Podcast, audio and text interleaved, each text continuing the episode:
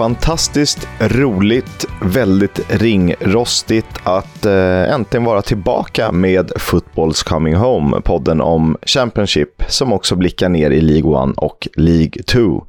Det du lyssnar på nu är en lag för lag genomgång inför säsongen. Och ja, jag heter ju Oskar Kisk och jag undrar hur är läget, Leo?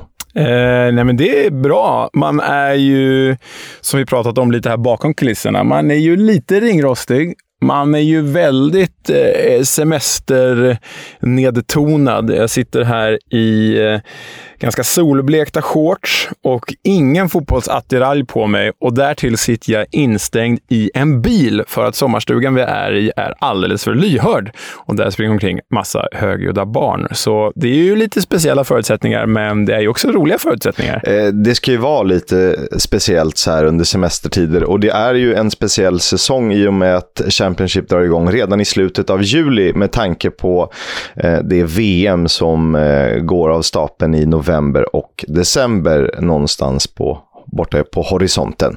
Det är en annan podd. det är en annan podd. VM i Qatar-podden. VM i november-podden. Den ska vi inte lansera. Det ska vi inte göra eh, än i alla fall. Nej, vi ska prata Championship. Eh, så här kommer det gå till. Eh, den här veckan finns två avsnitt att lyssna på. Ett är en lag för lag-genomgång, precis som vi hade eh, förra säsongen. Den är kronologisk. Vi kommer berätta lite förutsättningar, lite motiveringar varför vi tror att de hamnar ungefär där de gör. Sen i säsongens första avsnitt, alltså premiären. Eh, där kommer ni att eh, få höra lite, lite annat. Ni kommer få en liten tippning, lite skytteliga vinnare och så vidare och så vidare. Eller hur? Har jag glömt något, Leo? Ja, nej men, nej, men exakt så blir det. Det här blir svinkul. Det vi kan säga om den här guiden det är ju att eh, vi kommer ju prata om alla lag, som du sa, i kronologisk ordning, alltså från A till Ö. Eh, så vi kommer ju börja med Birmingham som i nuläget är tabelledare och lär väl vara enda gången de är det under den här säsongen. Men vi kan ju säga också att vi ansvarar för varannat lag. Så om jag driver Birmingham och du fyller i, så kommer du driva Blackburn och jag fyller i. Och så kommer det gå till. Och det blir ju härligt. Det blir eh, väldigt roligt och det är ju mer än en månad kvar av transferfönstret när vi, när vi spelar in det här. Och det känns ju knappt eh, som att eh, några trupper är satta till fullo. Och de kan ju tappa spelare och blir det en skada i Premier League så de behöver ersätta från Championship, ja då har vi satt igång en transferkarusell över hela eh, spektrat i brittisk fotboll. Så vi får väl se vad som händer, men det här är förutsättningarna som de är nu och eh, jag tror ändå vi har hyfsad koll på läget. Ja, men det tycker jag att vi har. Det vi kan säga, eller flagga för också, att vi kommer väl liksom göra ett avsnitt där vi stänger transferfönstret sen. Så de övergångar som inte är med här och nu i förutsättningarna, de kommer vi hinna gå igenom noggrant med alla er kära lyssnare också. Så var inte oroliga för det. Och då kanske vi får en liten eh, chans till en mulligan, som det heter på golfspråk, att revidera vårt tabelltips eh, som, efter fyra, fem gånger. Som lär behöva göras med tanke på att vi bara hade ett enda lag på rätt plats förra säsongen. Men eh, det, det är ju, nu ska vi prata mer om i premiäravsnittet. Det här är ju guiden.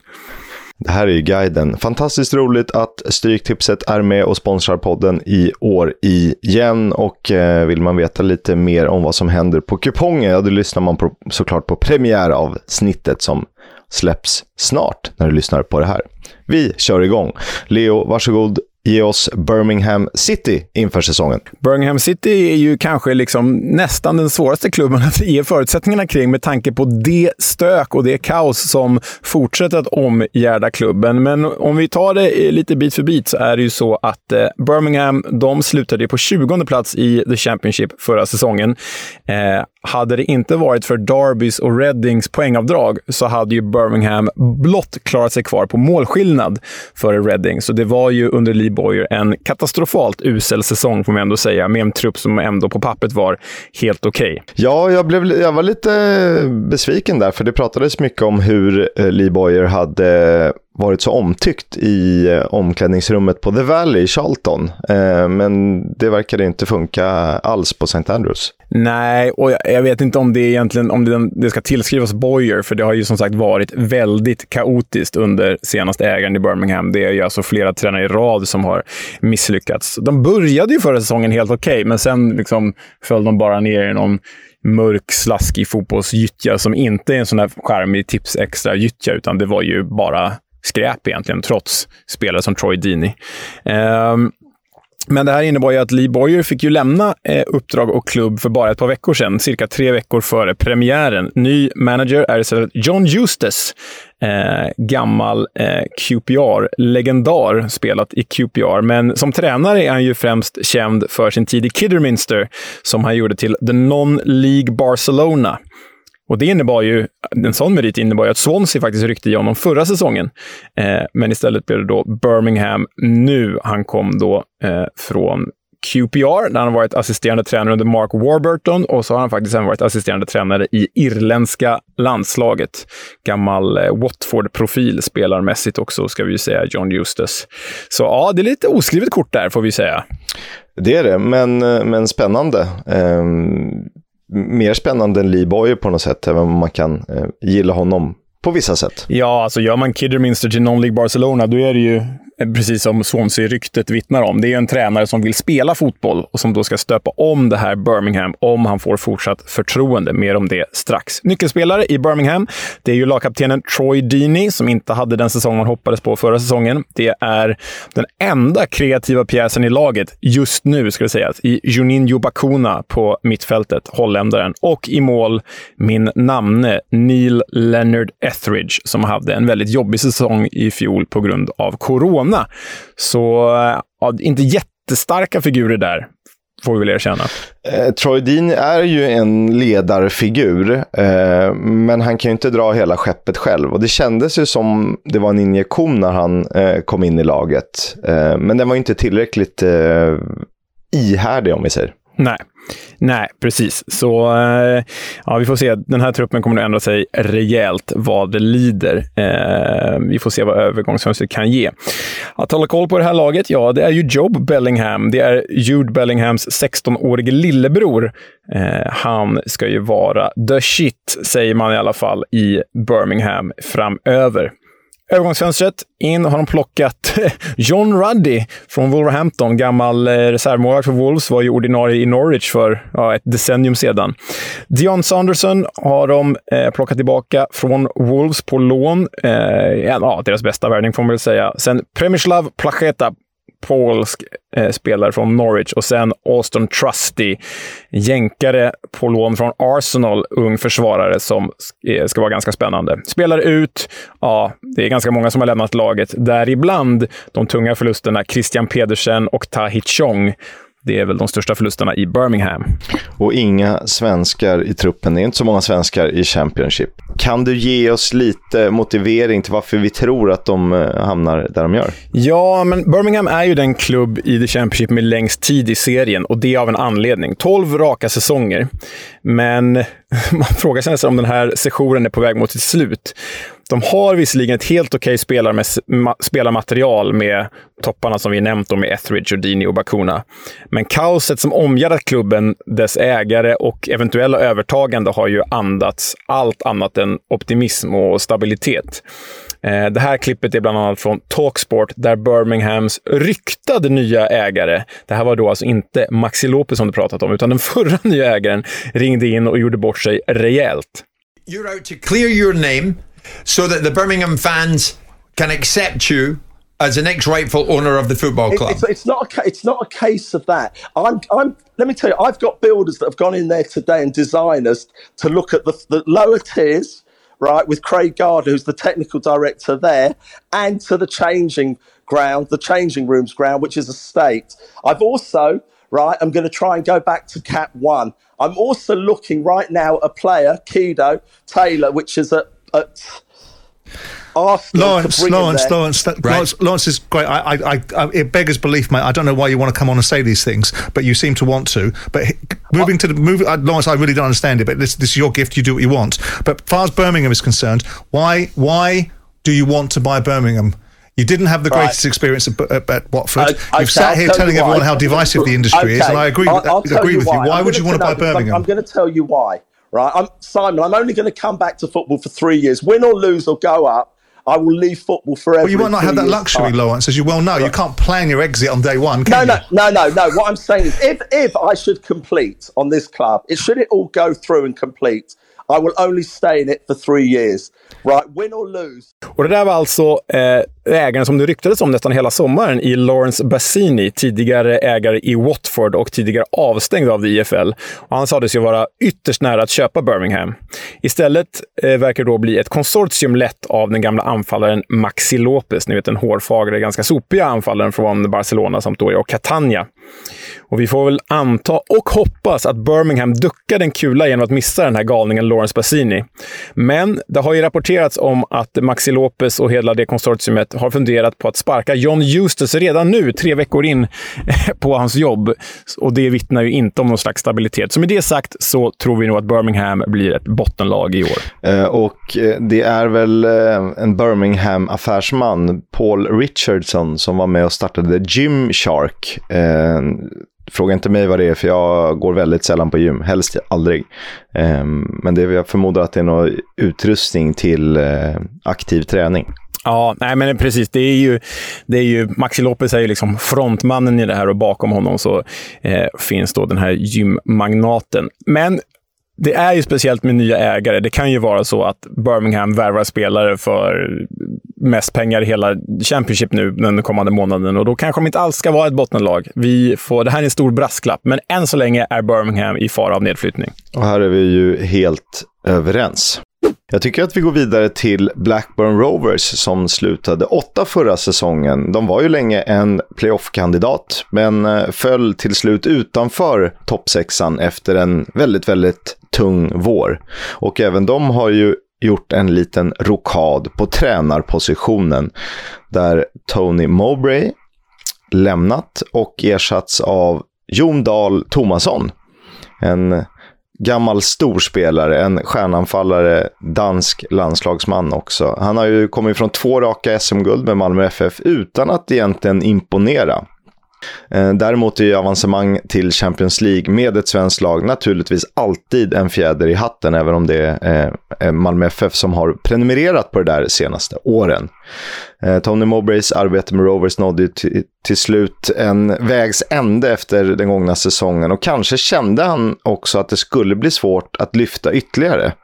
Eh, och jag tror ju att eh, Jon Dahl Tomasson lär kräva investeringar när han vill kunna skifta från sitt effektiva anfallsspel till det trygga försvaret han förespråkar. Ja, det som är extra spännande med det här, eh, får man väl säga, det är ju att värvningen, eller utnämningen av Jon Dahl Tomasson är ju en frukt av att Blackburn har plockat Bode Glimts sportchef.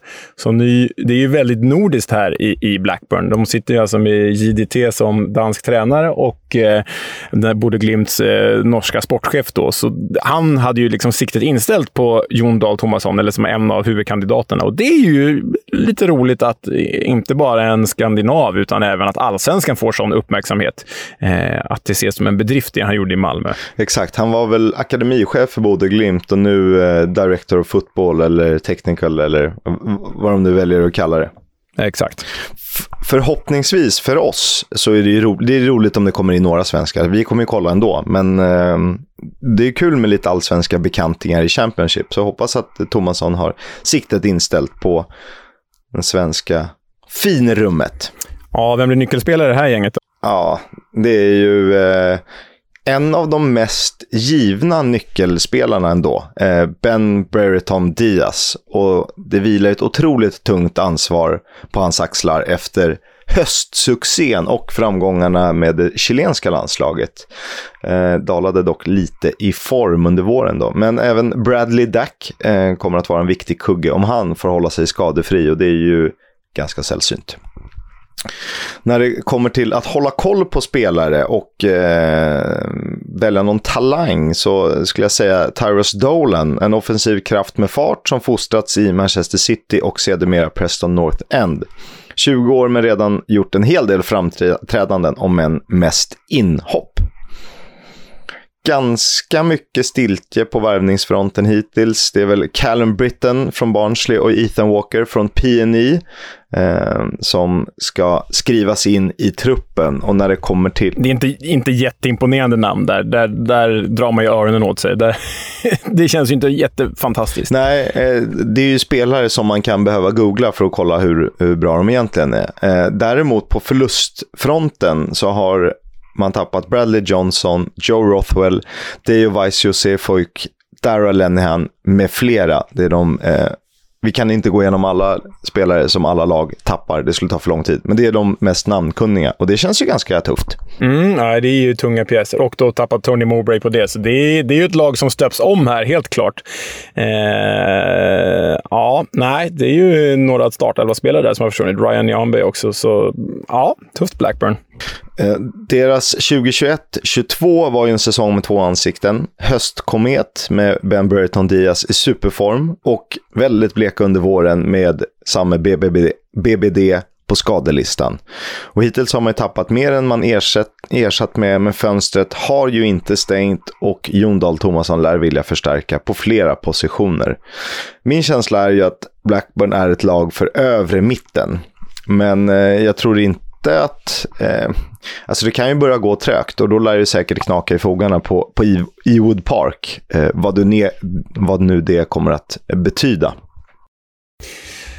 De är ju vana vid att det knakar i fogarna där. Sen har de faktiskt haft tålamod med Tony Mowbray, till och med när han åkte ner i League One. Så ja, det kanske finns tålamod, men det betyder inte att det går bra för det. Det gör ju inte det. Eh, vi ska hålla oss kvar i Lancashire och till eh, laget med de vackra smeknamnen The Tangerines och The Seasiders. Mm, vi är alltså då i Blackpool som ju slutade som nykomling i The Championship på 16 plats förra året. Stod ju för en väldigt stark höst och dalade lite mer sen på våren. Men det var ju en imponerande bedrift med eh, ligans eh, botten två eh, minsta budget då. Det var ju bara de och Luton som hade minst tillsammans. Men eh, nyckelfigur förra året det var ju tränaren, managern eh, Neil Critchley. Han är inte kvar. Han lämnar ju något överraskande för att bli Steven Gerrards assisterande i Aston Villa. Och istället har då Michael Appleton kommit från Lincoln City som han ledde till någon ganska svag eh, plats på nedre halvan av League One senast. Och den tidigare Manchester United-produkten Michael Appleton, han hade en okej okay karriär som spelare, men som tränare har det inte varit lika ljust. Han var ju då tre år i Lincoln, men har faktiskt tränat Blackpool förr. Det var för tio år sedan. Då fick han faktiskt sparken redan eh, före tio spelade matcher och blev således klubbens tidigaste sparkade tränare någonsin. Nu är det dock nytt ägarskap. Bondskurken Oyston är ju borta och det innebär att eh, Appleton har fått ett fyraårskontrakt. Man tror på honom, man tror på kontinuitet. Eh, därtill har han faktiskt precis besegrat testikelcancer och det, bara det i sig är ju värt en applåd.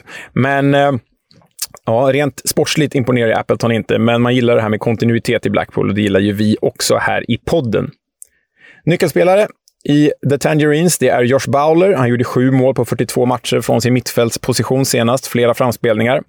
Keshi Anderson och kanske framför allt mittbacksresen Marvin Ekpiteta. Får de behålla honom är ju mycket eh, fröjdefullt i Blackburn att hålla koll på. Ja, vi måste ju faktiskt bara nämna superhjälten Jack, Jake Daniels här, som det har nog gått få förbi. Men han är blott 17 år gammal och ett anfallslöfte fostrad hos The Seasiders. Men han ska ju framförallt nämnas för sitt mod att komma ut som homosexuell i våras. The right time to do it, you know. I feel like I'm ready to tell people about my story. I want people to know the real me. And lying all the time this isn't what I've wanted to do, and it has been a struggle. But now I just do feel like I'm ready to be myself, be free, and just be confident with it all. I think because no one's done it, there's just no one has the confidence to do it yet. So I want to be that role model to do it, to maybe push people to be able to come out. Det är ju otroligt eh, starkt och vågat i en um, bransch som har en hel del att jobba med på den fronten kan man säga. Mm.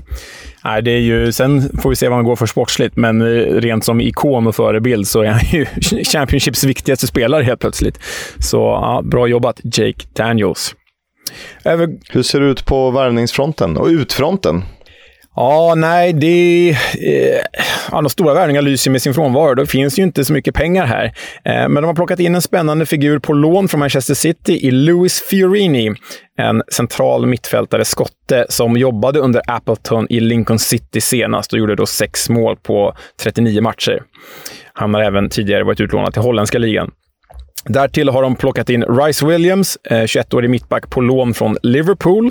Eh, och Det var ju en, eh, faktiskt en lån som höjde folks ögonbryn. Folk trodde väl att den här Rice Williams skulle landa en lite bättre låneklubb än Blackpool. Och Sen har de nyligen värvat vänsterbacken Dominic Thompson från Brentford. Så inga jättestora namn, men det kanske finns lite potential där. Ut fem spelare hittills, men bara dödkött. Lyckas behålla sina viktigaste spelare. Svenskar finns inga. Och eh, om vi ska liksom sammanfatta Blackpool, så på lång sikt finns det ju faktiskt ingen oro över The Tangerines. Och det är mycket tack vare den kärleksfulla och, och långsiktiga ägaren Simon Sadler. Men på kort sikt oroar ju faktiskt förlusten av Neil Critchley något enormt. Blackpool slog ju över sin egen vikt senast och eh, Appletons meriter är ju som jag sa inte de starkaste. Och dessutom har de tyngsta namnen uteblivit på värvningsfronten och lär väl inte komma alls. Så eh, svårt att se att Blackpool förbättrar sig den här säsongen och det innebär ju att de i så fall skulle bli en bottenkandidat i år. Och det är väl där någonstans vi landar kring Blackpool. Även om man vill att de inte ska vara det. För man gillar ju Blackpool, den vilande eh, semesterjätten till stad. Ja, ja verkligen. Är... Blackpool vill ju få anledning att besöka någon gång i framtiden. Då gärna i The Championship. Men du, eh, om vi tar oss lite längre söderut och på gränsen till Wales så hittar vi Bristol City. Det gör vi. Eh, de slutade på 17 plats i Championship förra säsongen. Om jag minns rätt var det det enda laget vi tippade rätt i vår införtabell. Exakt så. Eh, de hade 18 poäng ner till eh, det negativa strecket, men 20 poäng upp till playoff, vilket säger ganska mycket om viktningen i tabellen. Så att Bristol City, även om de var 17 bästa lag, så tillhörde de något slags mittenskikt där med ett gäng andra lag, bland annat eh, Blackpool. De tränas ju av Nigel Pearson, en 58-årig veteran i gamet som kanske mest är känd för att ha fått sparken från Leicester efter en skandal på träningsläger i Thailand. Det ledde ju sedermera till att Claudio Ranieri tog över Leicester och eh, ledde dem till en sensationell PL-titel. Han vann Championship med Leicester 2013-14, därefter blandade resultat. Och kanske inte den mest spännande figuren i serien. Lite generation, alltså en, en kopia av de här Warnock och Bruce och Big Sam-karaktärerna, men generationen under, kan man väl säga. Han kanske inte är den mest spännande tränaren i serien, men han är nog den mest arga tränaren i serien. Det, det kan vi ge honom. Absolut, och jag, jag tror ju Tänk om de hade fått in en Neil Critchley-figur, en, en byggare på sikt. Det hade jag tyckt var väldigt spännande med det här laget. Ja, ja, gud ja. Det finns ju potential i det här laget. Det kan man lugnt säga. Nyckelspelare, Andreas Weimann och Antoine Semenyo som bildade en superduo på topp. Och de måste ju fortsätta vara starka för att The Robins ska kunna lyfta.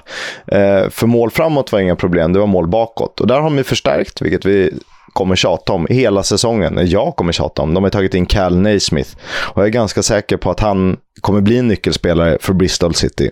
Även om han inte har debuterat i serien än. Att hålla koll på, vi lyfte honom redan förra säsongen, Alex Scott, Guernsey-född 18-åring som blev bofast på Bristol Citys mittfält under fjolårssäsongen. Sevärd och spelskicklig. På värvningsfronten då, Cal Naismith från Luton sticker ut, särskilt eftersom han kom eh, gratis. Han var väl förra säsongens bästa mittback, om jag får säga det. Ja, det var ju det vi kom fram till när vi tog ut årets lag, så absolut. Därtill Stefan Bajic från Pau, Clark och Sykes från Oxford, Forest Green Rovers Kane Wilson, här kan bli spännande, och Guernsey-duon AC och Sion. Det är kul att de går för Guernsey. Guernsey-trojka. Ja. Vi får se en, en ny, eh, det nya La Masia. Det, det är Guernsey som kommer fostra ett eh, härligt landslag. Exakt. Eh, på förlusterna så tycker jag att Callum O'Dowda till Cardiff känns ganska konstig eh, utan att ha läst på om spelet bakom. Jag tyckte att han gjorde det stundtals väldigt, väldigt bra för Bristol City, men det ligger säkert någonting i det från, från alla håll. Eh, Casey Palmer ska till Coventry, i övrigt eh, ganska lugnt och tyst på det man ska bry sig om. Och eh, här är ju ett av lagen som det kan hända grejer med. Och personligen tycker jag Bristol City känns som en joker som kan utmana om playoff-platserna. Eh, stundtals var de ju faktiskt otroliga framåt med trion Semenyo, Chris Martin och suveräne Andreas Weimann som ju tog plats i vårt säsongens lag. Han var ju Cantona-esk vid, till, vid flera tillfällen, får man ge Otrolig magi från de där små österrikiska fötterna. Ja, jätte, jättebra. Och han, vad har han hunnit bli? Typ 30 år. Eh, så att det här mm. kan ju mm. vara en peak i karriären. Och han, han och de måste bibehålla formen. Samtidigt som jag tycker att defensiven får sig ett rejält lyft. För eh, Cal Naismith eh, är ju en supervärvning och eh, han bör nästan kunna ha vem som helst bredvid sig för att det ska kännas stabilt.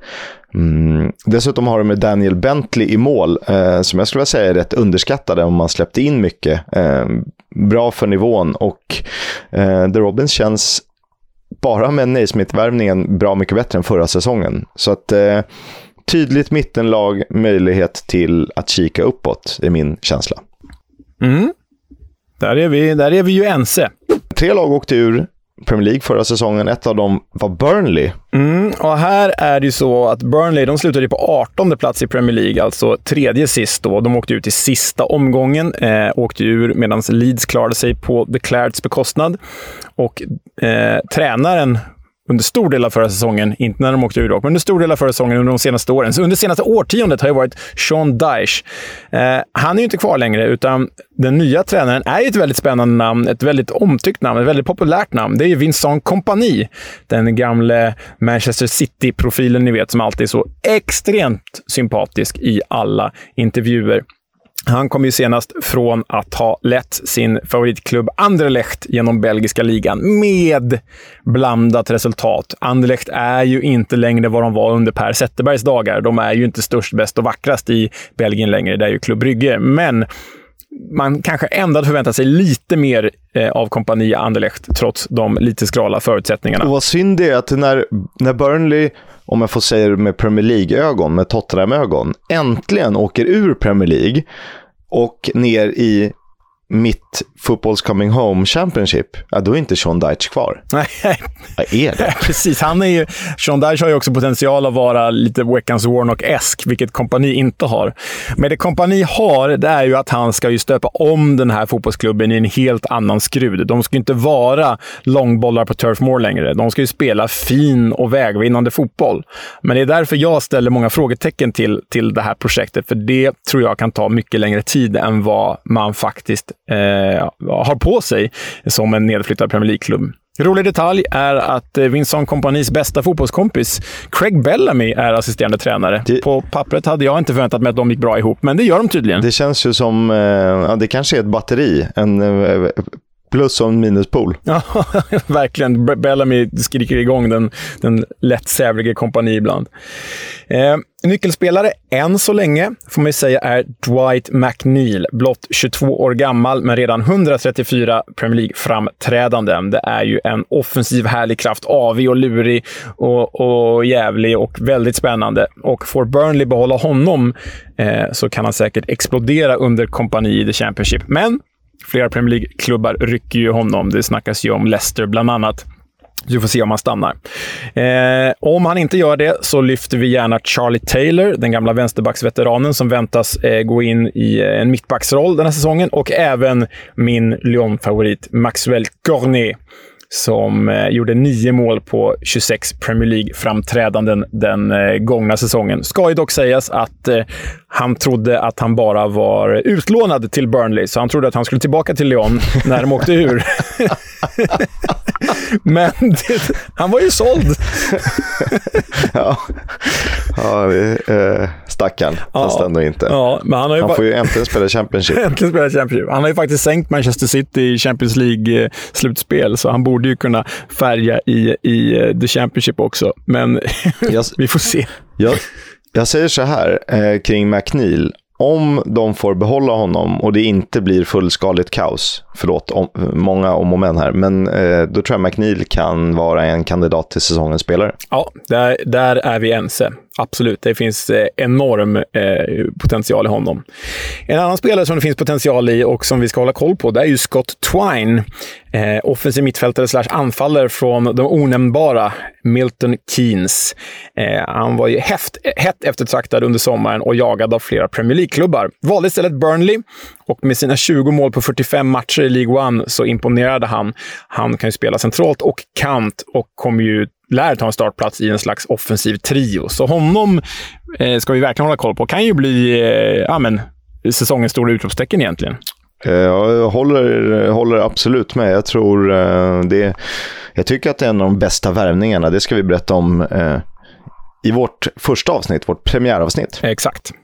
Övergångar in, det är ju namnstarkt. Josh Cullen från Anderlecht, Samuel Bastien från Standard Liège och sen är det lite figurer från Oxford, och lite talanger inlånade från Manchester City. Scott Twine som sagt. Och sen då Ian Matsen på lån från Chelsea som ju gjorde stor succé för Coventry förra säsongen. Så eh, honom ser vi ju också fram emot. Och därtill då Arjanit Muric som kommer bli första målvakt. Han är värvad från Manchester City och är Kosovos landslagskeeper. Var på lån i Adana Demirspor förra säsongen i Turkiet. Lagkamrat med eh, Mario Balotelli då alltså. Förluster, tio spelare ut. De flesta nyckelspelare, Nick Pope, Ben Mee, James Tarkovsky, Nathan Collins, Wout Weghorst. Och de här har ju gått till bra klubbar också, ska det sägas. Premier League nästan hela bunten, förutom Weghorst som gått till eh, Besiktas. Och det är ju där någonstans jag landar i att det här blir för tufft för Burnley att klara av. De eh, har liksom för mycket att genomföra den, den här säsongen. Dels ska de gå från liksom, årtionden av Daesh-fotboll till ny vägvinnande fotboll och dessutom har de ju tappat över en halv startelva med över 500 Premier League-matcher i bagaget. Alltså, så här. Burnley har ju stått för ett jättefint fönster när det gäller nyförvärv. Men det finns frågetecken för kompani fortfarande. Eh, därtill så sägs ju pressen vara stor på klubben att gå upp i Premier League igen för att pengarna finns liksom inte riktigt kvar hos ägarna förutom fallskärmen från Premier League. Eh, ja, från pragmatism och cynism till Guardiola-esk. Jag eh, tvivlar ändå. Jag, här är du och jag lite oense mer om det i vår tippning, men det är klart att allt annat än topp 6 är en flopp för Burnley. Men jag är inte säker att de hamnar där. Jag tycker att de är lite för namn kunniga ändå. Eh, för visst, några av dem du nämner är ju spelare som kan gå in i Premier League-klubbar. Men det är ju ändå eh, spelare som börjar nå en eh, respektabel ålder, typ där du och jag är. Eh, så att jag är lite dubbel kring det här, men känner ändå att att de ska rasa så mycket. Eh, vi får väl se helt enkelt. Kan inte avslöja allt här. Exakt. Vi flyttar vidare till Wales då, till Cardiff City, eh, som slutade på 18 plats eh, förra säsongen. Och man kan väl summera det med att de aldrig riktigt var särskilt nära en nedflyttning ändå. Manager Steve Morrison. Eh, när Mick McCarthy fick gå i höstas fick Morrison chansen som huvudtränare för första gången. Meriter som spelare i Norwich, i Leeds och framförallt i Millwall. Ett piggare alternativ som redan från start sände uppskattade signaler. Fräschare än McCarthy, Warnock och Slade om vi pratar om fotboll. Också en manager som kan lyfta ungdomar och arbeta mer effektivt med man management. Nyckelspelare då? Joe Rals. Eh, när flera tongivande pjäser lämnar så blir trotjänaren som har hunnit fylla 28 år en viktig kugge för Cardiff. Han har ju redan gjort över 300 matcher för klubben. Och i termer av att hålla koll på spelare så säger jag Joel Bagan som eh, vi benämnde som Goal Bagan förra säsongen. Underbara smeknamn. Eh, 20-årig ja. ytterback som slog igenom ordentligt faktiskt. Han gjorde mål tre matcher i rad eh, med eh, två fina fötter dessutom. Eh, och det är inte, inte illa. Han gjorde några riktiga drömmål. Ja, men han var ju en, en väldigt spektakulär spelare i ett annars inte särskilt spektakulärt Cardiff. Väldigt, väldigt, väldigt blekt Cardiff. Mm. Och när de tappade Kiefer Moore var det ju liksom eh, så greyish det kan bli om vi pratar om eh, färger som är på tapeten. Hehe. ja, men de gjorde, ju, de gjorde ju skäl för sitt föreningsnamn Cardi FF. Det var ju verkligen blek, blek föreningsdemokrati förra säsongen. Eh, värmningsfronten så är det ju namnkunnigt och det är bra. Shay Ojo från Liverpool, Ryan Alsop från Derby, Callum O'Dowda som vi nämnde kommer in från Bristol City, Romain Sawyers, West Brom, Cedric Kipré lånas in från West Brom, Jamilo Collins från Paderborn och Marlon Romeo från Millwall. Eh, man har ju dock tappat James Collins, gammal eh, stjärnanfallare i Luton och var öste in mål när Luton gick upp från League One. Och eh, Alex Smithis, min gamla favoritmålvakt, eh, som aldrig riktigt har fått det att funka. Därtill Aiden Flint, Marlon Pack, Will Walks, Leandro Bacuna. Så att det är ju ett par tunga pjäser som försvinner iväg. Och Cardiff under Morrison må ju vara mer spännande än under de här stofilerna vi nämnde. Men jag svårt att se att de ska kunna vara mer än ett lag för mitten. De genomgår en ganska stor trupprotation. Det kommer säkert påverka. Och eh, förutom någon enstaka profil så känns de på förhand också ganska osexiga. Och det kanske är en fördel för ett lag som Cardiff. Att man kan eh, dra nytta av att inte eh, vara i rampljuset. Men ah, jag vet inte.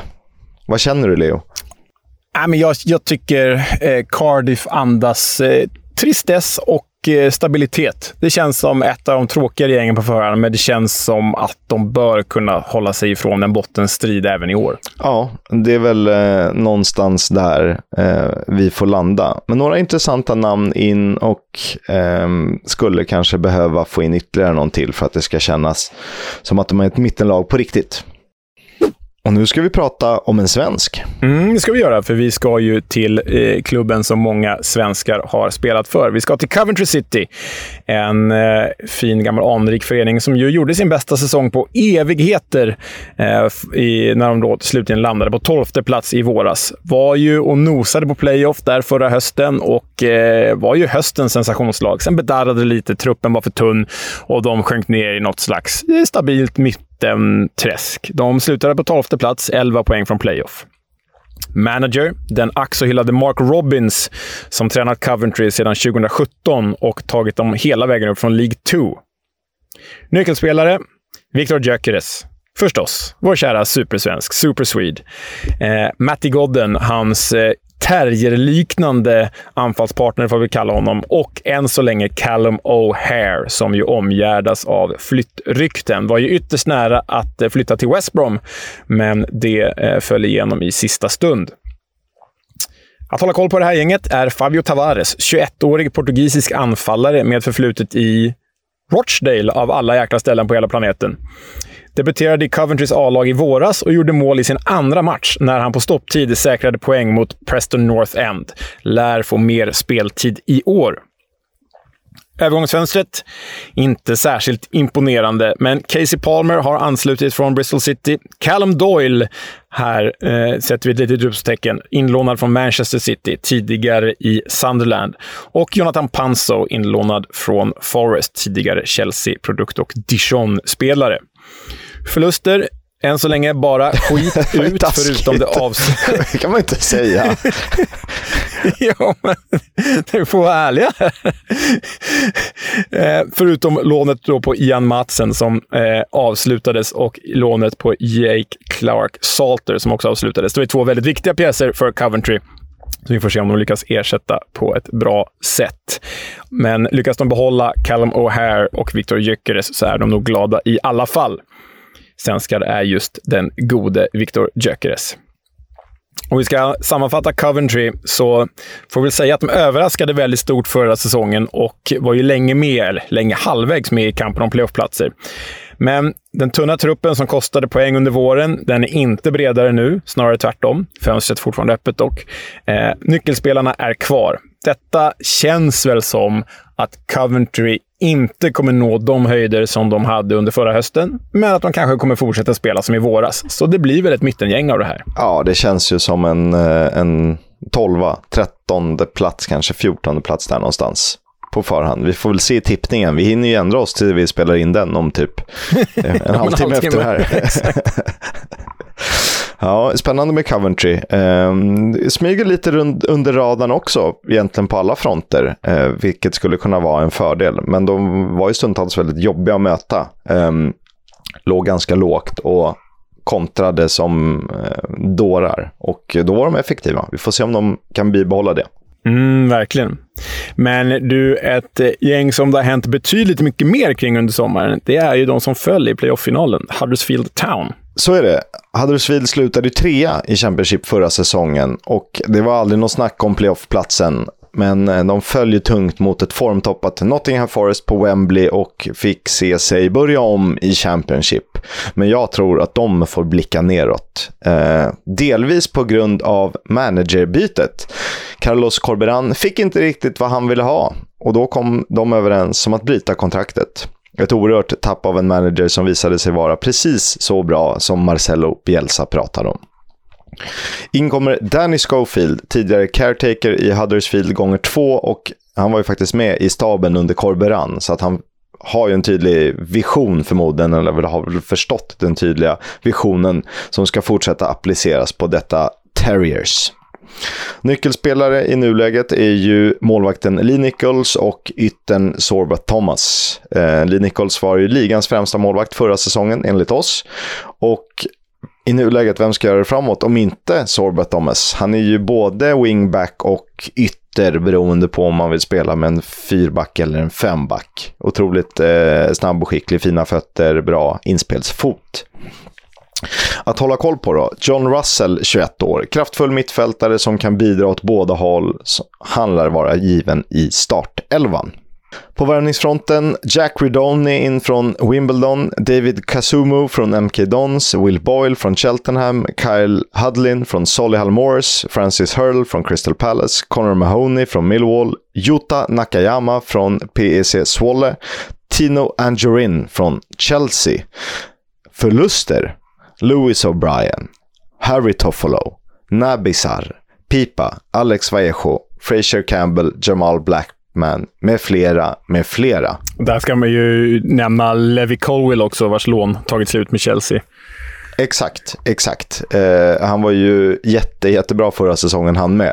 De har alltså tappat sin succémanager. Man har tappat Louis O'Brien, gjuten på innermittfältet. Harry Toffolo, enligt oss, Eh, den bästa vänsterbacken förra säsongen. Sen har du ju en trygg ersättare i Nabisar och eh, inhopparkaraktärer i Pipa och Vallejo. Eh, plus då Levi Colwill som också han var given i startelvan. Så att det är ju ett halvt riktigt bra lag som försvinner. Ja, nej men det här är ju... Alltså man förstod ju direkt när Corberan lämnade att här skar det sig mellan eh, tränare och styrelse. Och styrelsen har ju bevisligen inte samma ambition som Corberan. Jag menar, om du låter... Ja, men, ja, men, ligans bästa vänsterback gå för kaffepengar i Harry Toffolo. Du låter en av ligans bästa centralmittfältare gå i Lewis O'Brien för kaffepengar. Du eh, lyckas inte behålla Levi Colwell som ändå inte verkar ha någon framtid i Chelsea kommande säsongen. Eh, då, då blir det ju problematiskt. Eh, och därtill då, som du varit inne på, flera breddspelare. Daniel Sinani också. Det här är... Ja, det här är ju läskigt. Just det. Han är ju... Han är åter i Norwich. Ja, alltså det här är ju läskigt. Hade jag varit Huddersfield-supporter hade jag varit rädd på riktigt. Ja, för att eh, spelare som Jordan Rhodes och eh, Dwayne Holmes och liknande, de funkar i ett väloljat maskineri där de inte behöver vara stjärnor. Men det, det är jag tror att det blir svårt över 46 matcher att förlita sig på att Jordan Rhodes eh, ska vara i form. Som ett exempel. Ja, nej, verkligen. Men så här då. Eh, efter en superb säsong föll de på målsnöret i playoff-finalen, det känner ni till. Och som ett brev på posten valde ju succémanagern Corberan att lämna sitt uppdrag. De har ju dessutom tappat viktiga duon O'Brien och Toffolo till PL-nykomlingen Nottingham Forest. Förutom de spelare vi precis pratade om. Så även om Huddersfield, som vi tippade som nedflyttningskandidat i fjol, imponerade, så känns det mörkt nu. Jag tror inte att de ska behöva oroa sig för degradering. Men eh, nedre mitten känns rimlig för The Terriers, säger jag nu. Mm, och mer om det i vår tabell. Och från Huddersfield är det inte särskilt långt till Hull, för det är ju eh, Yorkshire båda två. Och dit ska vi ta oss nu. Varsågod. Hull City, ja, de slutade på 19 plats i The Championship förra säsongen. Men det var ju inte den stora rubriken. Den stora rubriken var ju att eh, ägaren som hade kidnappat klubben och tagit dem som gisslan under det senaste årtiondet, eh, Assem Allan, till slut sålde klubben, eller hans familj sålde klubben då till turken Akun Charlie. Och vad är det du brukar säga, Kisk? Är det Turkiets Tony Irving? ja, exakt. Nej, eh, det är ju eh, Turkiets, eh, vad heter han, i eh, Simon. Ja, ja, ja. Eh, ja. Okej. Okay. Det är sådana, sådana program jag inte kollar på. Nej, Tony Irving är ju dansikon i, i Let's Dance. Just det. Vad heter han? Simon Cowell, va? Ja, Simon Cowell. Precis. Exakt. Eh, ja, men Turkiets Simon Cowell tog över och lovade Premier League på sikt. Och så kan det ju faktiskt bli, även om det inte riktigt såg ut så den gångna säsongen. För eh, tränare var ju den gamla Djurgårdsprofilen och georgiska landslagsmannen Shota Arveladze han tog ju över mitt under brinnande säsong. Fick dock bara sex segrar på 19 försök, vilket faktiskt var sämre än den sparkade föregångaren Grant McCann. Så upp till bevis för Shota Arveladze den här säsongen. Och det var ju lite lustigt, för att eh, de förlorade väl fem eller sex raka hemmamatcher, vilket var på väg att bli nytt eh, bottenrekord. Eh, det gick så långt så att de valde att spela med sina bortatröjor på hemmaplan för att bryta den trenden, vilket de också gjorde då, vill jag minnas. Ja, det gjorde de. Och det var de här snygga svarta bortatröjorna som du har som tredje ställ i år. Otroligt bra. Kolla in dem. De är så svart och silvermelerade. Skitsnygga är de. Ehm, men eh, Akonili Chali värvade ju en del spelare under eh, förra säsongen. Eh, inte alls i den här Premier League-kapaciteten man pratat om. Men nu har det hänt grejer den här sommaren. Och eh, om vi börjar med nyckelspelarna så är det ju så att nyckelspelarna är Nathan Baxter, Eh, målvakten med högst räddningsprocent i The Championship hela förra säsongen. Han var inlånad från Chelsea då. Han är inlånad från Chelsea nu. En av ligans bästa bur burväktare. Och hör och häpna, nyckelspelare Jean-Michel Seri. Ni vet han som flyttade upp Fulham senast. Ni vet han som gick till Fulham istället för Barcelona för ett par år sedan när han lämnade Nice. Han har alltså kritat på gratis för eh, Hall och det är ju en värvning som verkligen imponerar och som vittnar om Premier League-ambitioner här. Och som ännu mer vittnar om Premier League-ambitioner kommer vara hans partner på mittfältet, Ozan Tufan. Turkisk landslagsman i, i Watford senast. Han har alltså 130 matcher för Fenerbahce och över 60 landskamper eh, för Turkiet. Så här har man ju värvat ihop ett gäng. Absolut. Det kan ta tid att få ihop. Absolut. Men på pappret, vilka jäkla nycklar de har i det här laget. Ja, det här är ju... Jag tror att det är läge att börja blicka uppåt för Hall. Mm. Och en spelare som vi ska hålla koll på, det, är, det stavas ju Dogukan, hans förnamn, men som jag förstått uttalas han Dokan Sinik. Eh, 23-årig ytter som värvats från Antalyaspor. Presterat mycket bra i turkiska ligan och gjort stor succé i landslaget där han debuterade i år och har alltså två mål på tre landskamper. Eh, vi slår även ett slag för hemmasonen och mittbacken Jacob Greaves. Tror du att, eh, som Wolves gjorde när halva startelvan var portugisisk, lanserade en vinröd bortatröja, tror du att Hall kommer köra något eh, rött tema med, med eh, en halvmåne och någon stjärna? så långt kanske inte går, men visst, det kommer nog finnas flörter med den turkiska identiteten och nationaliteten. Det tror jag säkert. Um, övergångar då. Har vi ju nämnt Jean-Michel Seri, Nathan Baxter, Ozan Tufan, Dokan Sinik. Uh, sen har man då köpt loss uh, iranska landslagsmannen Al-Hayar Sayadmanesh från uh, Han gjorde det ganska bra. Han såg rätt bra ut av det man fick se i Hall under våren. Ja, nej, men han var stabil liksom. Jobbade hårt och ganska bra avslutare. Sen har man då plockat in Tobias Figueredo från Nottingham Forest, mittback. Han är väl sådär om vi ska vara ärliga. Och sen då, som jag är väldigt spänd på, spänd på colombianska anfallare Kisk. Du vet colombianska anfallare. De är alltid bra. De är alltid, alltid bra. Det är Falcao, det är Carlos Bacca och det är Jackson Martinez. Faustino. Ah, men det, de är alltid bra colombianska anfallare. Och här har de då värvat Oscar Estupinian som gjorde 15 mål för Vitoria Guimarães eh, förra säsongen i portugisiska ligan. Och ni vet Guimarães, de har ju haft anfallare tidigare som Moussa Marega som färgat i Champions League för Porto. De har haft anfallare som Vincent Aboubakar, va, som också färgat för Porto i Champions League. Och den här Oscar Estopinian ska ha valt bort, inom citationstecken, större portugisiska klubbar och klubbar i La Liga för det här hallkontraktet. Så här tror jag att man har fått in en spelare god för en 10 20 mål i alla fall. Det kan bli spännande. Men de har ju tappat tungt också. Ja, de har ju det. Sju spelare har lämnat och George Honeyman är till Millwall är absolut en förlust. Eh, men framförallt Keen Lewis Potter till Brentford. Vår älskade tre efternamnspojke, Keen Lewis Potter. Honom kommer vi sakna. Hall kommer sakna honom. Men de har ju som sagt då värvat den där dockan Shinnick för att ersätta. Men framförallt Kisk, de har ju tappat Tom Huddleston.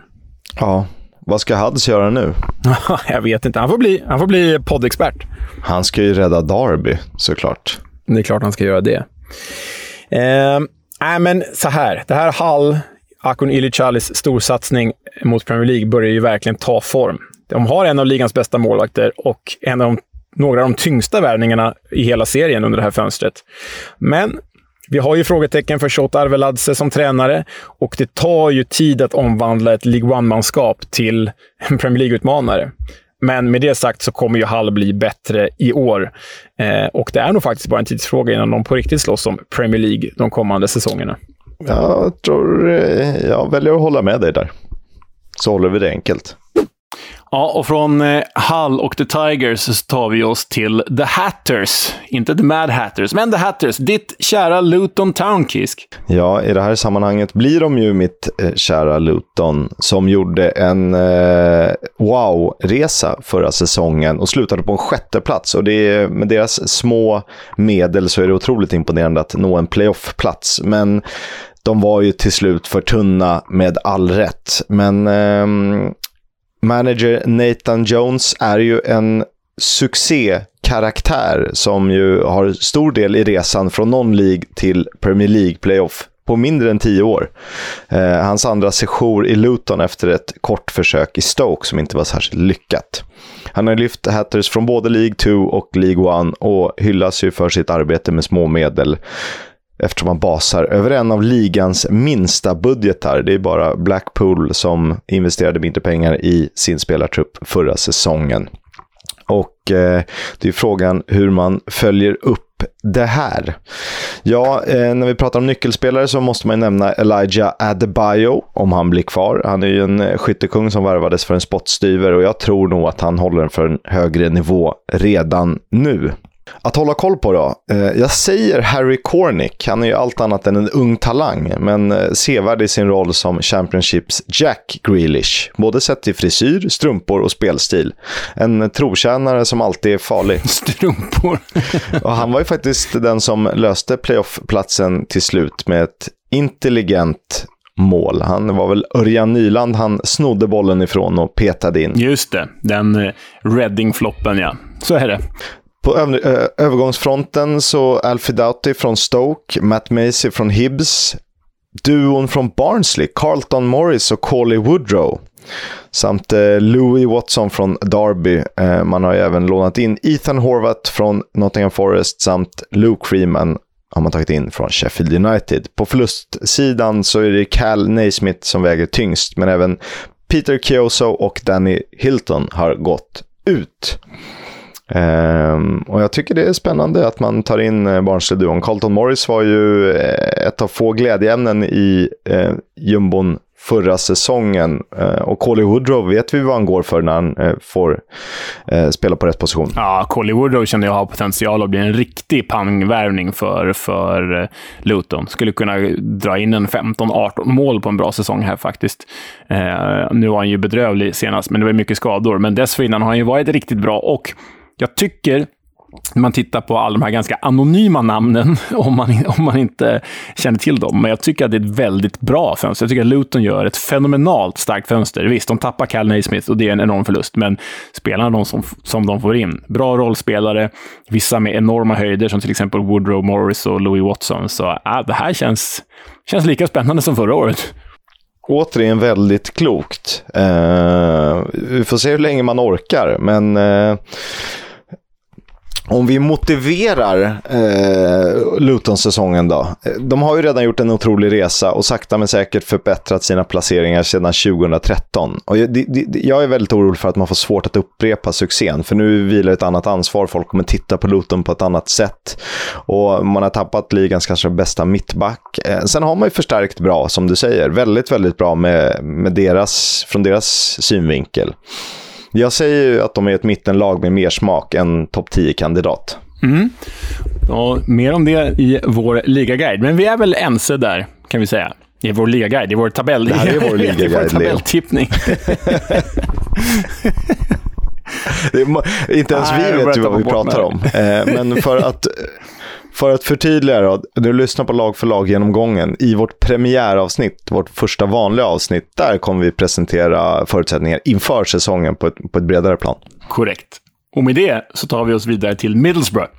Middlesbrough de eh, började tyvärr, och eh, helt overkligt nog, ganska dåligt under Neil Warnock som till slut fick, fick lämna eh, klubben då eh, under förra säsongen. In kom istället Chris Wilder, ni vet Sheffield United-legendaren till tränare.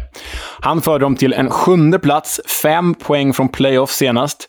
Eh, det såg ju länge bra ut eh, under Wilder, men mot slutet av säsongen så hade de en enorm oförmåga att göra mål. Det hade de i och för sig under hela säsongen. Men det kostade dem ju playoffplatsen. Eh, så eh, nu får vi väl hoppas på eh, bättring i år för deras skull. Och managern är ju då som sagt, nämnde Chris Wilder, seriens kanske bästa tränare? Frågetecken. Vad säger du där, Kisk? Eh, ja, en av dem. En av fyra, fem i alla fall. Kanske ännu färre. Det beror på lite hur man jämför. Jag tycker Nathan Jones är otrolig sett till de små medel. Och att han, men han har också fått bygga över tid, vilket såklart är en fördel. Men eh, absolut, vi säger topp tre på Chris Wilder då. Mm. Nyckelspelare. Isaiah Jones. Eh, höger wingback som gjorde lika stor succé som Jed Spence gjorde i Nottingham Forest eh, förra säsongen, men hamnade ju precis bakom den eh, gode Jed Spence i uttagningen av årets lag och så där. Fick inte riktigt lika stora rubriker. Andra nyckelspelare, Marcus Tavernier, eh, som ju sägs vara Newcastle, Newcastle supporter, born and bred. Och det är ju lite speciellt när man är en av hjältarna i Middlesbrough, lokalrivaler som de är. Och sen då Paddy McNair som har blivit en backjätte på senare år och är väl liksom, står för lugnet och tryggheten och stabiliteten i Middlesbroughs backlinje. Att hålla koll på det här gänget, det är Riley McGree. Han kom i vintras till Borough, gjorde två mål på tio matcher. Det är en offensiv mittfältare och kreatör som nu har hunnit akklimatisera sig till The Championship. För han är ju nämligen australisk landslagsman, 23 bast bara. Så han ska bli spännande att följa. Han är väl känd för att ha gjort något helt otroligt drömmål. Eh, typ Puskas Award-contender. Eh, Säg inte nej, för jag vet att jag har rätt. Eh, ja, nej precis. Eh, han är ju en sevärd spelare på så sätt. han är ju en sevärd spelare på så sätt. Eh, så nej, han är ju rolig att följa och eh, har ju tillhört lite större klubbar, men inte fått chansen där. Övergångar då. De gör ett väldigt starkt fönster om ni frågar mig. De har alltså värvat Daryl Lenihan, denna irländska landslagsman, till försvarare från Blackburn Rovers. Liam Roberts blir någon slags understudy-målvakt från Northampton. Ryan Giles, vänster-winback, inlånad från Wolves. Så eh, ja, de kommer väl ha ligans bästa ytterbackar slash winbacks i Isaiah Jones och Ryan Giles. Och sen då har de löst målvaktsfrågan. För förra året drogs de med mitt hatobjekt nummer ett, Joe Lumley. Svårt att säga hatobjekt, han är bara en dålig målvakt, så jag hatar honom inte, men han var inte så bra. Och in istället har den amerikanska landslagsmannen Zach Steffen kommit på lån från Manchester City. Och eh, det är ju en profil som förpliktigar. Verkligen. Förluster. En hel startelva har försvunnit där anfallaren Andras Sporar kan komma att bli saknad. Sol Bamba, i alla fall hans karaktär, kommer definitivt saknas. Floppen Martin Pajero, som värvades för 60 miljoner kronor förra sommaren, lånas nu ut till Boca Juniors. Och sen då Joe Lumley, denna fummel-fammel-snubbe till målvakt, har äntligen lämnat för Reading. Därtill har ju Borough tjänat stora pengar på Jed Spence, som de då alltså ägde, fast han var utlånad till Nottingham Forest, numera i Tottenham Hotspur. Det är ju roligt. Ja, det tycker du. Det förstår jag att du tycker. Inga svenskar. Nej, men det här blir ju ett bra Middlesbrough Kisk. Det här tror vi på, båda två. Um, de blir ett helt, helt annat lag under Wilder and Warnock. Och de är snabbare, bättre, rakare, tydligare. Men effektiviteten saknas ju. Och eh, Sporar hade ju sina spits, men ingen annan anfallare levererade alls. Och det här bygget ser ju ännu bättre ut nu med många klassvärvningar som Lennyhan, Giles och Steffen. Men en målskytt saknas alltjämt. Den kanske kommer. Vi får se. Kommer en målskytt så kan de till och med göra en ordentlig push för en direktplats upp. Så är känslan kring Middlesbrough. Ja, eftersom de fick in pengar på Jed Spence men redan har en nästan likvärdig ersättare på plats så, så finns det ju kapital att ta av. Och det behöver ju inte vara 200 miljoner kronors anfallare för att det ska kännas bättre. Utan man, man, kan nog hitta, om man kollar vilka hyllor Luton tittar på så kan man säkert göra ett och annat fynd. Ja, ja, ja, ja verkligen. Vi traskar vidare till Millwall som ju slutade nia förra säsongen. Eh, bara sex poäng från playoff, vilket eh, får ses som ett jättebra betyg, till manager Gary Rowett. En tidigare mittback med en hel del rutin från eh, Premier League och eh, dåvarande andra divisionen. 48 år och eh, Millwall är ju sedan 2019 hans femte klubb som manager. Han har slutat 8, 11, 9, så ett stabilt lag på övre mitten under Rowett alltså. Nyckelspelare då. Eh, först och främst målvakten Bartosz Bialkowski som är en hållna nollor-expert. Eh, dessutom pålit, pålitlig resen i mittförsvaret Jake Cooper och den kanske oväntade målmaskinen Benik Afobi eh, som kommer att bli viktig för Millwall såklart. Att hålla koll på Sian Fleming, holländskt nyförvärv till 23-åring som ska höja nivån på offensiver, kan spela på flera positioner framåt. Målglad. Övergångarna, alltså Sian Fleming, kom från Fortuna Sittard. Eh, Benica Afobe är löst från Stoke. George Hanneman, bra från Hull. Charlie Cresswell och Jamie Shackleton lånas in från Leeds. Eh, när det kommer till förluster så eh, blir det ju tungt att ersätta Jed Wallace som ju stack till West Bromwich. Eh, dessutom har han tappat Marlon Romeo, Zach Loveless, Michael Kieftenbeld, Alex Pierce, Connor Mahoney med flera. Det var inte långt ifrån att eh, man gav sig in i playoffstriden på allvar, men man var med all rätt ändå en liten bit ifrån till slut stabila och, förutom något undantag, eh, man vet vad man har Millwall. Starka på det den, väldigt starka på det den. Ligans eh, bästa hemmalag, eh, särskilt sett till hur svaga de är utanför Bermondsey. På någon värld känns det, det här som ett av de tydligaste lagen. Om vi tycker att Cardiff är bleka så är, har Millwall en tydlig karaktär och ett, ett sätt man tror på. Och man vet vad man får när man tittar på Millwall som gjorda för en mittenplacering. Ja, och här kommer vi ju eh, kanske gå ännu djupare in då under vår tippning. Jag, eh, hade de fått behålla Jed Wallace med de här värvningarna, då hade jag ju sagt att de är ett lag direkt för playoff. Men eh, det ska bli spännande att se eh, hur de klarar sig utan den gode Jed Wallace alltså. Och så en nykomling till. Mm. Vi ska ju då till East Anglia och till ena halvan av Old Farm, alltså till Norwich City, som ju äntrar the Championship som jumbo från Premier League. Och eh, ja, Tränare är ju Dean Smith, denna älskvärda Aston Villa-supporter som förde upp just sitt Villa för ett par år sedan. Han har ju tidigare även gjort underverk med Brentford i de här divisionerna. Han fick dock aldrig ordning på The Canaries efter att han tog över efter Daniel Farke under förra säsongen. Men Dean Smith är gjord för och kan The Championship. Nu har han haft en sommar ihop med gänget och frågar om det har räckt för att få ordning på det bedrövliga Norwich som vi faktiskt såg i våras. Ett Norwich som ju eh, har eh, gjort en väldigt fin sommar, rent estetiskt i alla fall. De har bytt klubbmärke, men framförallt lanserat de snyggaste hemma och bortatröjorna. Eh, den eh, här eh, sommaren inför den här säsongen. Och alla tröjor vet ni ju att eh, ni kan läsa om på Svenska fans. Kisk har ju varit väldigt duktig och sammanställt alla tröjor i ett dokument där. Så det vill ni spana på Championship-tröjor så gör det. Det rekommenderas. Och Norwich har ju de snyggaste av dem Helt alla. klart. Och nu undrar vi bara när Sheffield United ska släppa sitt hemmaställ, för det är de enda vi väntar på. Nyckelspelare i det här Canaries, det är ju den för oss alla välkände Temo Pukki. Han, den finska landslagsmannen som eh, varit i Sevilla, och varit i Schalke, och varit i Celtic och varit i Bröndby. Men bara lyckats i Bröndby av de klubbarna. Och då i Norwich, där han blivit ja, en modern legendar. Han är ju en av tre spelare att vinna skytteligan i The Championship två gånger. Vilka är de andra två spelarna, Kisk? Eh, bra fråga. Nu eh, tog du mig på sängen. Va, har Mitro vunnit en gång tidigare? Det har han väl? Det har han. Mitrovic, det har du två av tre. Och vem är den tredje? Uh... Jag kan ge ledtrådar.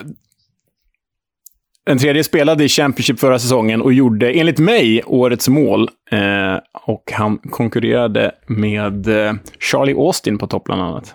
Uh, ja, såklart. Nu står du ju helt stilla. Ja, vi säger Andre Gray. Mm. Eh, så Pukki, Mitrovic och Gray är de spelare som vunnit Championship skytteligan två gånger. Får se om det blir en tredje för Pukki. Andra nyckelspelare i detta Norwich är ytterbacken Max Aarons och mittbacken Grant Handley, som eh, spelar lika fult ostädat som han ser ut, vilket vi gillar. Att hålla koll på eh, är ingen ny bekantskap, utan det är Todd Cantwell. Och frågan jag ställer mig är om det kan bli revansch för den här 24-årige kreatören. Han var ju fenomenalt bra när han för två år sedan eh, tillsammans med Pukki Buendia tog Norwich upp i Premier League. Och, eller tre år sedan faktiskt färgade i Premier League och var någon slags fantasy Premier League-nyckelspelare för många. Han har haft det lite tungt på slutet, lyckades inte i Bournemouth i våras, men eh, kan få förtroende i höst och det blir ju spännande i så fall. Övergångar, bara två spelare in. Isaac Hayden lånas in från Newcastle på det defensiva centralmittfältet och till mittfältet, offensiva, värvas brasilianaren Gabriel Sara, eller Sara, oklart uttal där. 110 miljoner kronor från Sao Paulo, brasiliansk eh, U21-landslagsman. Det är ju ett namn som kittlar lite utan att man vet speciellt mycket om honom. Verkligen. Han är en, han är en bubblare, kan jag avslöja. Mm. Och sen då förluster. Eh, nästan tio spelare ut, ganska mycket dödkött, men de tappade bara häromdagen Pierre Lismelou, eh, denna franska mittfältare, till Brest av alla ställen. Men Sara verkar ju ta hans plats. Ja, vi ska motivera detta Norwich då. Jo, tillsammans med mitt kära Fulham så förkroppsligar ju Norwich jojo-laget i England. De är för bra för The Championship, de är för dåliga för Premier League. Norwich och Fulham har faktiskt inte spelat i samma serie på fyra år, för att de går om varandra hela tiden. Och känslan är att de inte kommer spela i samma serie nästa år heller. För medan mitt Fulham känns för kallt för Premier League, ser Norwich återigen för starkt ut för den här serien. Pucky, Aarons, Cantwell, Sarah. Och därtill med kapital i spelare som förvisso misslyckades i Premier League senast, men som gjort det bra tidigare i karriären i form av Milot Rashica och Josh Sargent till exempel. Samt spelare som kommit tillbaka från lån som gjorde det bra i Championship senast i Daniel Sinani, som ju var bra i Huddersfield, och Onel Hernandez, som var bra i Birmingham. Så allt annat än minst ett playoff vore ju en stor flopp för The Canaries. Helt riktigt, och där är vi rörande överens. Vi rör oss vidare till Lancashire och Preston North End, de första mästarna faktiskt, slutade ju på trettonde plats förra säsongen. Eh, efter att ha fått upp farten rejält innan jul och landat i mitten med mer smak. Manager är Ryan Lowe, superspännande tränarämne som gjort det riktigt bra med Plymouth Argyle och innan det bra i Bury. Hans 3-5-2 ska ju erövra boll tidigt och stort ansvar vilar på särskilt ytterbackar, men även på anfallare. Nyckelspelare är ju trion Alan Brown, Daniel Johnson och Emil Ries. Mittfältsgeneralen, kreatören och målskytten. Att hålla koll på. Ben Woodburn och kanske Freddie Woodman. Eh, den första en Liverpool-produkt som haft det tufft att ta en plats av förklarliga skäl. Mittfältare som senast spelade i Hearts och så målvakten från Newcastle som ska vara nummer ett för klubben. Eh, på förlustfronten är det ju väl meriterade Tom Barkhuisen, det är Josh Earl, det är Tom Baileys och gamla storspelaren Scott Sinclair, eller supertalangen kanske bättre ord, plus några till. Eh, tappet av tv-räddningskompatible Daniel Iversen i mål blir ju tufft, men samtidigt gillar jag Preston North Ends fönster hittills med Woodman i spetsen. Har en oerhört intressant manager i Ryan Lowe som stundtals fick fart på laget under fjolårssäsongen. Och med ett stabilt transferfönster och en bra röst kan Pini lyfta. Frågan är dock hur högt? I min värld är de ganska tydliga att de tillhör det här klustret bestående av sju, åtta lag som kommer att bilda mittenskiktet. Det finns ju potential här, alltså, som du är inne på eh, Freddie Woodman och kanske Troy Parrott. Det är, ju, det är ju namn som verkligen kan lyfta dem till en övre halva här. Det, det ja, spännande i Lancashire. Hur spännande är det på Loftus Road eller Kian Prince Foundation Stadium. Det är ju alltid spännande. Frågan är om det är bra. Men QPR, de slutade ju 11 förra säsongen, trots att de var med i eh, racet om playoff nästan hela säsongen. Men de rasade ju rejält under våren efter att eh, eh, ha spelat bländande fotboll fram till och med Afrikanska mästerskapen. Men efter det så gick det utför. Och när de var som bäst så spelade de ju faktiskt seriens roligaste fotboll. Men det är annorlunda tider nu. Mark Warburton, tränaren, har lämnat. Ny manager är Michael Beal. Michael who? Ja, Michael Beal. Han ersätter den avgångna Warburton då och Beal nämns som en av Englands mest spännande tränare faktiskt. Han är bara 41 år gammal och kommer senast från Aston Villa, där han var assisterande tränare till Steven Gerrard. Det är alltså Michael Beal som Blackpools Neil Critchley ersätter. Michael Beal var även assisterande till Steven Gerrard i Rangers, innan dess Liverpool-skolad då han ansvarade för deras U16 och U23-lag. Därtill har han varit, hör på det här, assisterande tränare i Sao Paulo till målvaktslegendaren Rogerio Seni. Ni vet han som gjorde 100 frisparksmål i karriären. Det här sägs vara ett kap för Queens Park Rangers. Att han var hjärnan bakom Steven Gerrard i Rangers Aston Villa. Men det är första gången han är huvudtränare. Vi får se. Nyckelspelare, två oerhört sevärda figurer i Chris Willock och Elias Chair. Ilias Shair, som vi säger i podden. Marockanska landslagsmannen och Chris Willock som, ja men, han hade nog värvats till Premier League om han inte hade skadat sig där i februari. Ruskigt, ruskigt bra spelare. Och för säkerhet norrmannen Stefan Johansen på mittfältet. Att hålla koll på, ja, det finns ju en del, men jag väljer lite roliga figurer, etablerade figurer. Rob Dickey, mittbacken som gillar att göra mål från distans. Gillar ju att skjuta in baljor från 25-30 meter. Och sen den roliga figuren Albert Adoma, ghanansk landslagsman på högerkanten som gillar att flirta med fansen. Håll koll på dem så får ni lite extra kul den kommande säsongen. Övergångar. Mittbacken Jake Clark-Salter lånas in från Chelsea, senast succé i Coventry. Därtill har vänsterbacken Kenneth Paul kommit från holländska Svolle. Tyler Roberts, anfallare, lånats in från Leeds. Till honom sätter QPR stort hopp. Därtill då den offensiva mittfältaren Taylor Richards som värvas från Brighton. De har tappat en hel namnstarka figurer. Charlie Austin, Andre Gray, Dominic Ball, Moses Odebayo, Kieran Westwood och Dylan Barnes. Plus, tråkigt nog då, David Marshall som flyttat till Edinburgh och Hibs. Och det ger oss en anledning att spela den här ramsan en sista gång i podden.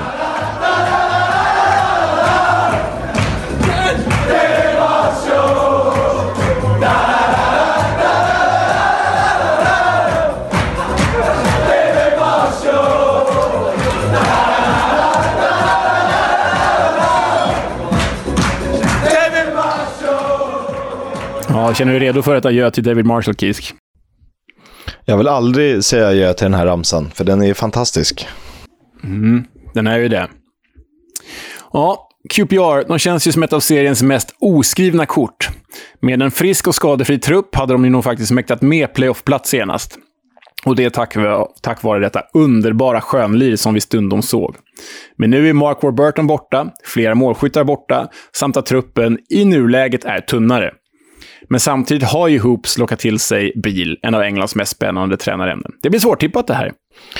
Jag tror att uh, om Chris Willock får vara skadefri hela säsongen så uh, där är ytterligare en kandidat till säsongens spelare. Och för så bra var han när han spelade. Och uh, det kan ju vara tungan på vågen. Och från QPR till andra blåränder. Vi ska till Reading. De slutade på 21 plats förra säsongen. De var fyra poäng från nedflyttning, vilket ju också berodde på att de fick eh, poängavdrag om sex minuspoäng. Eh, inledde förvånansvärt starkt, men det gick betydligt eh, tyngre sen för Reading. Manager är Paul Inns och kommentarer är överflödiga, men jag tror faktiskt att Robin Friday vänder sig i graven.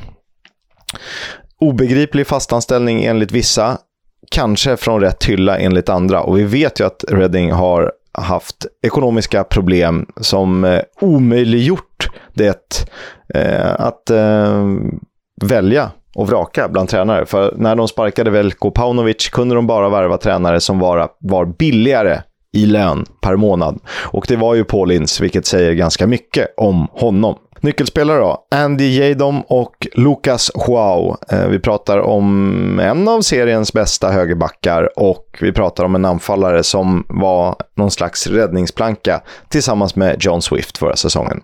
Att hålla koll på då? Ja, det här känns spännande. Jamari Clark, jamaikansk anfallare, blott 18 år, men redan testad i Championship som målskytt förra säsongen. Håll ögonen på honom.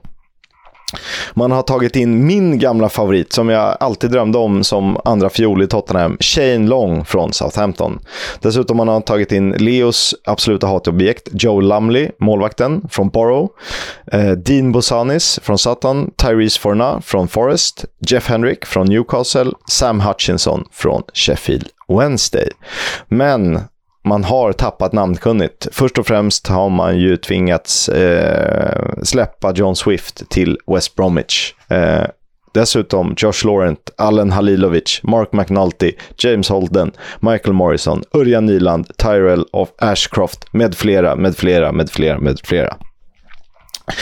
Och ja, ni, utan John Swift hade nog inte Reading spelat Championship 2022-2023. Så på så sätt kan han ju kallas en MVP. Jag tror att tappet blir oersättligt för en klubb med ansträngd ekonomi och tveksam manager. Eh, det är svårt att se Reading, trots namnkunniga nyförvärv och lån, vara något annat än en nedflyttningskandidat. Om nykomlingarna gör det bra får vi nog vinka adjö till Reading.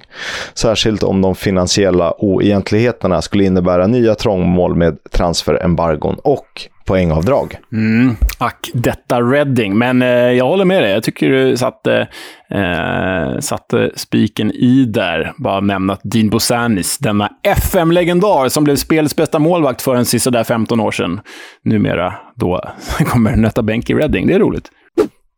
Och från Reading till Rotherham, en av nykomlingarna nerifrån. Mm. Och eh, Rotherham slutade ju tvåa i League One senast, bakom seriesegrande Wigan. De stod för en tämligen dominant säsong. De var defensivt överlägsna med bara 33 mål insläppta. Näst bäst i den kategorin var Wigan och Milton Keynes, de onämnbara, med 44 mål var. Så defensivt var ju Rotherham fenomenalt starka. Manager Paul Warren, 49-årig klubblegendar som gjort över 250 matcher för The Millers. Han har tränat eh, klubben sedan 2016 och kontinuitet är Warrens och klubbens filosofi. Han har ju alltså fyra upp och nedflyttningar med, med, med det här gänget. De, de, de är, de är liksom Norwich fast eh, i eh, League One, helt enkelt. Nyckelspelare, turkengelsmannen Daniel Barlaser, eh, 25-åring Newcastle-fostrad mittfältare. Richard Wood, 37-årig lagkapten på backen. Och Ben Wiles, en 23-årig mittfältare. Egen produkt som gjorde 8 plus 7 i League One senast. Och om man får eh, lyssna på vår poddkompis Victor Johansson som ju vaktar målet i Rotherham så är, eh, var ju Dan Barlaser egentligen nyckeln. Han, han hyllade kollektivet förra säsongen, men om man var tvungen att välja en spelare så var det bara Laser som var bäst i laget. Mm, och som också skrivs upp som nyckelspelare i guider i England och sådär. Men jag tycker vi ska hålla koll på den Nigeria-födde irländske landslagsmannen Kiedozi Ogbene. Inte bara för att han eh, påminner om Festebo som vi älskade förra säsongen i eh, Derby, utan för att han också gjorde det rätt bra i League One senast. 25-årig ytter som nu då blivit irländsk landslagsman med landslagsdebut förra året. Håll koll på Kiedosi Ogbene. Övergångar. Ja, det är inte de starkaste namnen här, men Cameron Humphreys, 23-årig back från Zulte Vargem. Anfallspar i Connor Washington från Charlton och Tom Eves från Hull. Peter Kioso, högerback från Luton, imponerar. Grant Hall från Middlesbrough känner vi igen, lånad mittback och där, eh, därutöver några andra figurer. Förlusterna? Ja, det är ganska många och tyvärr för Rotherham som ju tappat sina tre, kanske, ja, med sina tre av fem bästa spelare från förra säsongen. För deras bästa målskytt, Michael Smith, har klivit ner en division till Sheffield Wednesday. Deras överlägset bästa försvarare, Michael Hiekwe, han har också klivit ner en division till Sheffield Wednesday. Och Freddie Ladapo, som var ett väldigt bra komplement framåt till Michael Smith, han har klivit ner en division till Ipswich. Och det är ju inte bra det är ju förbaskat inte bra. Det ser ju sämre ut. De ska alltså ersätta Michael Smiths uppemot 20 mål med Tom Eves som inte ens mäktade med fem i Hall förra året och Connor Washington som inte gjorde någon glad i Charlton förra säsongen.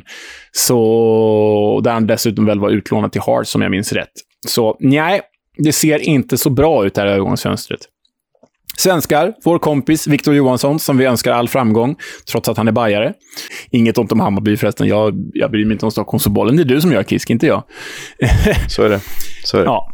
Men han är en trevlig prick, Victor Johansson. Verkligen. Ja, Rotherham är ju som sagt det här Norwich, fast en division längre ner. För bra för League One, för dåliga för The Championship. Och så ser det ut att bli även i år. För de gjorde ju en fin fjolårssäsong, men som vi sagt har de brandskattats rejält. Och tappet av Smith är ju antagligen alldeles för starkt. Men likt grannen Barnsley är Rotherhams nivå, ambition och målsättning inte mycket större än detta. Det är klart man vill etablera sig i Championship, men man klarar en nedflyttning till League One, för man har gjort det så många gånger förut. The Millers. Mm. Och de är ju grannar med Sheffield United. Ja, du säger det. Och det här är ju en blick uppåt i tabellen, antar vi. Eh, som slutade femma förra säsongen. Vår tippade seriesegrare tog ju till slut en playoff-plats men föll mot Forest i semifinalen. Stundtals sagolikt bra, men eh, över säsongen var de ju alldeles för ojämna. Eh, manager är vår vän Feckingbottom. Alltså Paul Heckingbottom. Blott 45 år men har hunnit med att leda Barnsley, Leeds, Hibs och nu Sheffield United. Eh, som nyckelspelare har jag faktiskt valt Sander Berge. Han är ju en kraftig norrman med näsa för poäng. Och givetvis Billy Sharp, talismanen och overall skyttekungen, Championships mästermålskytt genom tiderna. Att hålla koll på. Daniel Jebison, han är född i Kanada men representerar Englands U19. Gjort sitt enda mål för Blades i Premier League. Tränades faktiskt av Jimmy Floyd Hasselbank förra säsongen på lån i Burton. Och eh, jag har ju sett på försäsongen, han är inte helt ospännande. Det här, är, det här är en kille att hålla koll på. Övergångar. Anel Ahmed Hodzic från Malmö FF. Kieran Clark, lån från Newcastle. Tommy Doyle, lån från Manchester City. Förluster. Ja, Morgan Gibbs White tillbaka till Wolves. Han blir svår att ersätta. Dessutom har man tappat Ollie Burke, Luke Freeman, David McGoldrick, Harry Boyce, Liz Mosé med flera. Svensken då? Anel Ahmedhodzic. Förvisso bosnisk landslagsman, men född i Skåne och med förflutet i Malmö FF samt i nedflyttade Bordeaux. När vi slog ihop våra införtabeller för ett år sedan, då var Sheffield United gemensam etta. Men det var mycket som inte funkade. Däribland Robin Olsen mellan stolparna, även om inte han ska lastas för Blades svaga säsongstart. Växte i takt med säsongen och att Morgan Gibbs White prickade formen. Men utöver MGW saknades en hel del särskilt när Billy Sharp var borta. Har ändå en trupp vars höjder bör kunna greja en ny playoffplats och eh, West Fotheringham som blev en oväntad ersättare eh, klev in som någon slags hjälte i målet. Och eh, playoff känner jag spontant. Mm, där är vi ju ense. Blades kommer vara bra. Det såg vi ju inte minst i eh, den avslutande vårspurten. Men från rö rödvitrandet i Sheffield till rödvitrandet i Stoke-on-Trent. Stoke City har vi hamnat i då. De slutade på 14 plats för andra säsongen i rad och det var en stor besvikelse. Igen. Många skador. Igen. Och lyssna på det här. De åkte ur 2018 och har sedan dess slutat åkte ur Premier League alltså, har sedan dess slutat på 16, 15, 14 och 14 plats i The Championship och gör sig nu redo för sin femte raka säsong i serien. Det är ju... Det är ju ändå en förbättring, får man säga. Från 16 till 14 plats på fyra år. ja, det är så svagt av Stoke, som ständigt har skrivits upp som en av playoff-favoriterna. Det är så svagt av den här klubben. De måste kunna bättre. Manager är nordirländaren Michael O'Neill. Han var ju nordirländsk förbundskapten 2011 till 2020 och gjorde ju EM-succé med sitt Nordirland 2016. Han har tränat Potters sedan 2019 och det har ju inte funkat. Nyckelspelare i det här gänget är ju målmaskinen från mittfältet Nick Powell, som dock ständigt är skadad. Det är australiska mittbacksresen Harry Sotar, som fick hela säsongen senast spolierad på grund av skada. Och den nyvärvade anfallaren Dwight Gale, som vet hur man gör mål i The Championship. För det har han gjort för både West Brom och Newcastle. Mycket spännande nyförvärv, även om han är gammal numera. Att hålla koll på i Stoke, förutom underbara och sevärda lirare som Nick Powell och Lewis Baker, är ju DeMarjo Wright Phillips, som är väldigt spännande. 20 år gammal, ung anfallare, gjorde sitt första mål förra säsongen. Och som namnet avslöjar är han ju son till Sean Wright Phillips och då barnbarn till Ian Wright. Bara det är ju svindlande. Övergångar in. Ja, Stoke har ju som vanligt slått på stora trumman. De har värvat Aiden Flint från Cardiff, Dwight Gale från Newcastle, Josh Lawrence som gjorde en av säsongens snyggaste baljor när han spelade i Reading senast. Därtill lånat in Liam McCarron från Leeds, Harry Clark, mittback från Arsenal, som ska vara väldigt spännande. Gavin Kilkenny lånat in från Bournemouth och Will Smallbone från Southampton. Förluster han har tappat eh, ganska tunga namn också i och för sig. Joe Allen, Steven Fletcher, James Chester, Tom Mintz, Benny Cafobi, Mario Vrancic, Tommy Smith.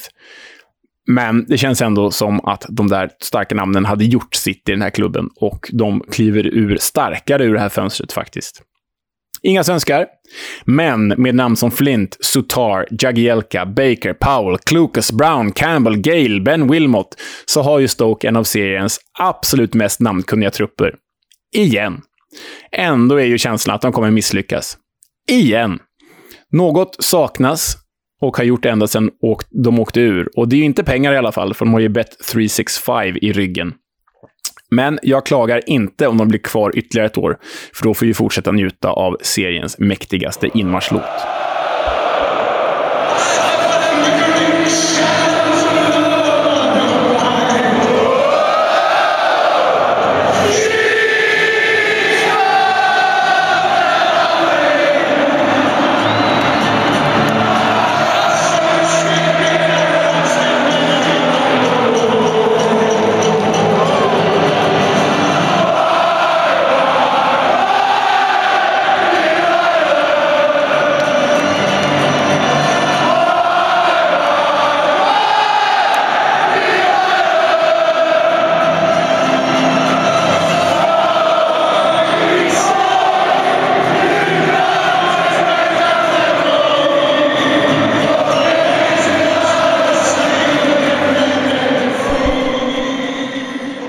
Delilah är ju en, eh, en klassiker. Mm, det är ju det. En annan klassiker, vet du vad det är? jag, antar att det är Sandland eftersom det är de vi ska prata om. Ja, exakt. Jag tyckte ja. var, övergången var himla fin. Ja.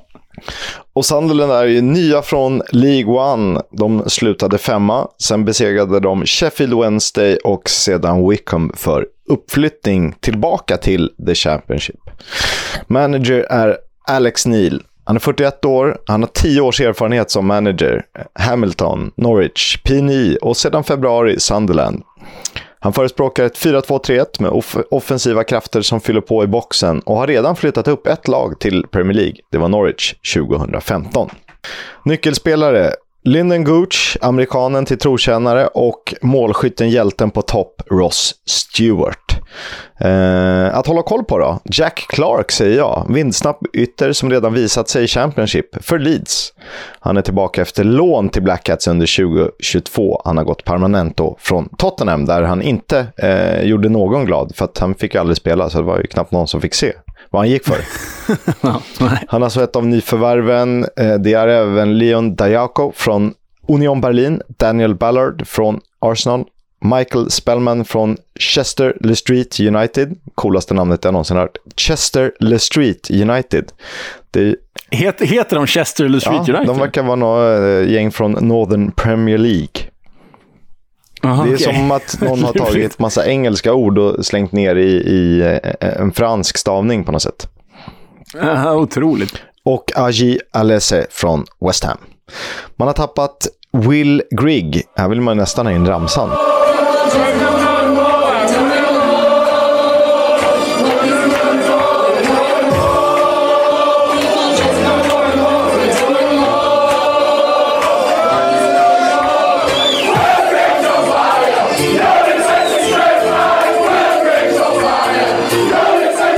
Man har tappat Aiden McGeady, man har tappat Sonny Singh, Steven Wern, Lee Burge, Kenton Richardson, Will Harris plus flera. Och hur ska det gå för Sunderland då?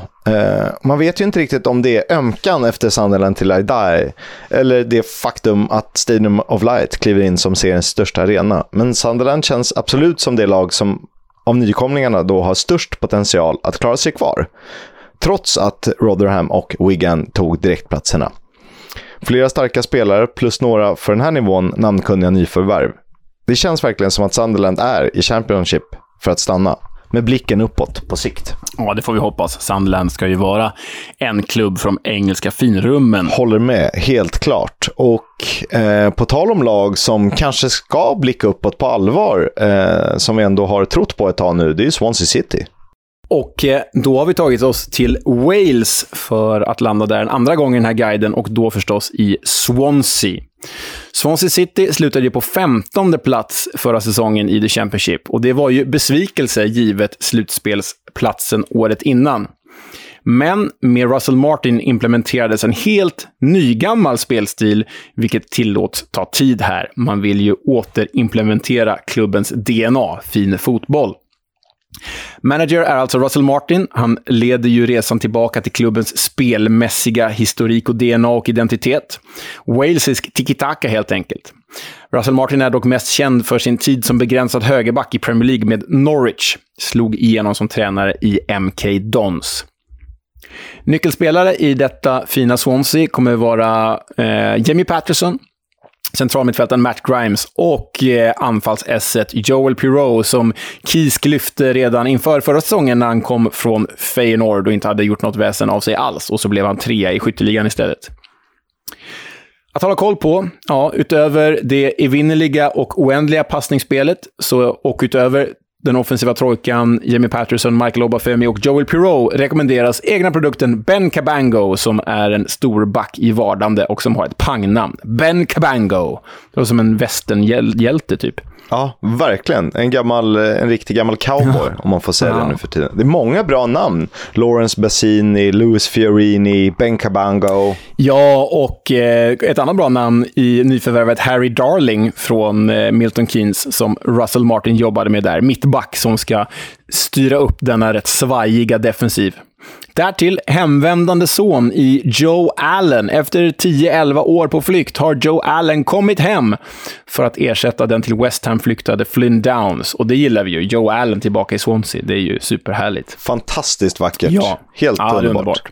Man har även plockat in Nathan Wood, 20-årig försvarare från Middlesbrough, och Matthew Sorinola på lån, vänsterback från Union Saint-Gilloise från Belgien. Och Matthew Sorinola spelade ju under Russell Martin dessförinnan i MK Dons. Förluster utöver Flynn Downs så har Ben Hamer, målvakten, gått till Watford och eh, Hannes Wolf, hans lån, har eh, inte förlängts. Ja, och efter ett år med Russell Martin Ball får man ju onekligen eh, känslan av och minns tiden under Roberto Martinez och Brendan Rodgers glansdagar i Swansea. Oerhört älskvärt och naivt spel som ju faktiskt blev bättre och bättre under våren när Michael Obafemi kom in på topp bredvid Joel Pirou. Då petades ju Patterson bitvis på grund av kontraktsdiskussioner eh, och kontraktsbråk. Men med Patterson, Obafemi och Pirou och med tiden som satt sig taktiskt för det här gänget, plus defensiva förstärkningar, är ju känslan att Swansea faktiskt kan vara en dark horse säsongen som kommer. Ja. Jag, eh, jag trodde ju på dem hela eh, förra säsongen eh, till den grad att jag var tvungen att att ge upp till slut när jag insåg att de här kommer jag aldrig lyfta. nu vet jag inte om jag vågar tro på dem igen, men ehm, jag blir stolt över min Pirou-spaning. Mm, ska det vara. Ja, Swansea är roliga eh, eh, på sitt sätt för den här nivån, absolut. Watford då? Jo, de flyttades ner från Premier League som näst-jumbo. De slutade poängen före Norwich i den engelska fotbollens finrum. Watford leds av manager Rob Edwards som vann League 2 med gröna Forest Green Rovers, som alltså världens grönaste fotbollsklubb. Och eh, han ersatte en pensionerad Roy Hodgson efter degraderingen. Det ska gå fort, det ska vara dynamiskt och med en stark offensiv lär Edwards och Watford gå framåt. Hela tiden. Hög risk? Ja, kanske. Effektivt? Förmodligen. Bland nyckelspelarna så måste man nämna den offensiva trion med Ismail Azar, Emanuel Dennis och Joao Pedro. De tre har ju absolut kvalitet för högre nivåer än Championship. Att hålla koll på, här tror jag är ett riktigt, riktigt spännande namn som jag sett få spela lite för Watford nu. Han är 18-årig mittfältare, han delar efternamn med ikonen Faustino. Han heter Yasser Aspria och han har redan landslagsdebuterat för Colombia, 18-åringen alltså. Övergångarna då? Vakun Bayo från Charleroi, Scott Holding från Stockport, Ray Manage om man nog säger så, från Barcelona. Bara en sån sak. Luigi Gaspar från Arsenal. Man har tappat ganska många välkända namn. Moussa Sissoko, Adam Masina, Thiago Chikur, Cucho Hernandez, Philip Sinkernagel, Camille Conte, Andre Gray, Caris Lisby, Jürgen Elitim, Josh King, Rob Elliott, Ben Foster, Nicolas Enkolo, Juraj Kutschka, plus sönerna Mauricio Pochettino och eh, Dennis Weissgrabb. Med flera ska sägas, så det här var inte alla. det är ju 20, 20 gubbar ut, liksom. Ja. otroligt. Och ändå har de ett bra lag. Svensk då? Jo, Ken Sema, som tillhört Watford sedan 2018. Han har hunnit fylla 28 år och imponerade i Championship senast. Fick snålare med speltid i Premier League. Högsta nivån hans är absolut för ligatoppen. Watford har tappat många starka namn, men har alltjämt kvar en skicklig trupp när man nu är tillbaka i The Championship. En offensiv av hög, hög kvalitet med två möjliga skyttekungar. Om man får anfallsspelet att stämma kan man typ starta med Cleverly och Gosling som mittbackar och ändå vinna serien. Spretig trupp, höga toppar, djupare dalar. Jag tror Rob Edwards kan vara bra om man har lite tålamod. Ja, men det känns ju som eh, det mest sevärda laget som kommer uppifrån i alla fall. Eh, även om alla tre kommer nog vara ganska sevärda. Så eh, mm, spännande på Vicarage Road om inte annat. Elton John får förhoppningsvis jubla åt lite playoff-drömmar. Och nu till ett lag som jag tror väldigt, väldigt mycket på, men det är du som ska berätta om dem. Ja, i skrivande stund är det ju tabellens, eller i talande stund är det ju tabellens nästjumbo, West Bromwich Albion. Men inga matcher är ju spelade, så det är inte så konstigt att de är nästjumbo. Ehm, de, trots att du tror på dem nu så hade de ju en bedrövlig säsong senast. De kom ju på tionde plats, åtta pinnar från slutspel. Och det var ju deras sämsta placering sedan 21 platsen våren 2000. Eh, inte alls bra, inte alls som man hade tänkt sig under Valerian Ismael och senare Steve Bruce. Och just Steve Bruce är ju kvar som manager i West Brom. Han är ifrågasatt inte bara i klubben, utan allmänt. Men han har ju ändå tagit upp Birmingham och Hull tidigare till Premier League. Och han har ju etablerat Wigan i Premier League. Så det finns ju faktiskt någonting där, oavsett vad eh, min kära vän, eller vår kära vän Noah Bachner säger, som har ju Steve Bruce som absolut största hatobjekt i världen någonsin. Nyckelspelare, Carlen Grant, gjorde 18 mål senast invärvade John Swift, som ju i stort sett ensam höll kvar Reading förra året, och Dara O'Shea, denna tyvärr skadade mittbacksrese senast, som nu är tillbaka. Men jag tycker att ni ska hålla koll på Daryl Dike, den amerikanska landslagsmannen som gjorde nio mål på 19 matcher för Barnsley för förra säsongen. Nu gjorde han noll på två för West Brom. Han skadade sig ju. Ja, och det blir ju som ett nyförvärv. Ja, verkligen. Och till nyförvärven då, utöver Daryl Dike, så ska vi då skriva John Swift från Reading. Jed Wallace från Millwall. Och det här var ju seriens kanske två bästa offensiva mittfältare den gångna säsongen. Jason Molombi har de köpt loss från Brighton och Okay Yokuslu har värvats in från Celta Vigo, turkisk landslagsman. Så det är starka papper här in. Ut. Andy Carroll har ju lämnat, inte hittat någon ny klubb ännu. Sam Johnston, ni vet supermålvakten, har gått till Crystal Palace, där all, dit alla engelska bra målvakter går och får sitta på bänken bakom eh, Guaitia. Eh, tidigare var det Jack Butland som gjorde samma resa. Romain Sawyers har gått till Cardiff, liksom Cedric Kipré. Inga svenskar. Ja, historiken talar för West Brom. Truppen talar för West Brom. Värvningarna talar för West Brom. Bruce Ja, det talar ju faktiskt både för och mot West Brom. Ägarnas tålamod lika så. Detta West Brom, som kanske är det bästa transferfönstret av alla, ska sluta topp 6. Kanske till och med ännu högre. Superfiasko annars. Ja, exakt så är det. Och jag har ju till och med skrivit en, en text om det. Det är inte en krönika, men varför jag är övertygad om att de kommer ta en direkt plats. Eh, för så bra tycker jag John Swift, eh, samt till viss del även Jed Wallace, Molambi och Kurslo skulle kunna vara. Men eh, nu har man äntligen en riktig framspelare. Och de har ju offensiv kraft med DK och Carlan Grant. Plus även Callum Robinson och Diangana. Eh, så att det det enda, man, det enda man saknar nu är ju en riktigt bra målvakt för att Johnston Exakt, men eh, de kanske gör som Bournemouth gjorde med Mark Travers och satsar eh, eget. Mm. Vi får väl se. Jag tror på West Brom. Det eh, gör inte du lika mycket. Ganska mycket ändå. Sist, men absolut inte minst, är ju Wigan Athletic. De är nya i eh, Championship. De vann League One förra säsongen. Eh, vi gratulerar till det och välkomnar dem tillbaka till nästfinrummet. Med eh, manager Liam Richardson som varit i Wigan sedan 2017 som assisterande och caretaker. Manager till och från sedan 2020. Han blev erbjuden att göra Paul Cooks sällskap i Ipswich, men valde att fortsätta i Latics. Nyckelspelare är Will Keane, en Manchester United-produkt som var eh, hjärnan och hjärtat bakom uppflyttningen förra säsongen med 26 mål och därmed skyttekung i tredje divisionen. Att hålla koll på Telo Åsgård norrman med suveränt tillslag som slog igenom förra säsongen. Vi har pratat om honom en del i podden. Han har nyligen belönats med ett fyraårskontrakt, eh, så honom ska man rikta blickarna mot när han spelar. Han vars pappa är professionell violinist, va? Visst är det så? Mm. Ja. Exakt, och därför är boende i England. Värvningarna då. Luke Brennan in från Blackburn, Josh Stones från Geisley. Säger man så? Geisley skulle jag säga. Ja, Geisley.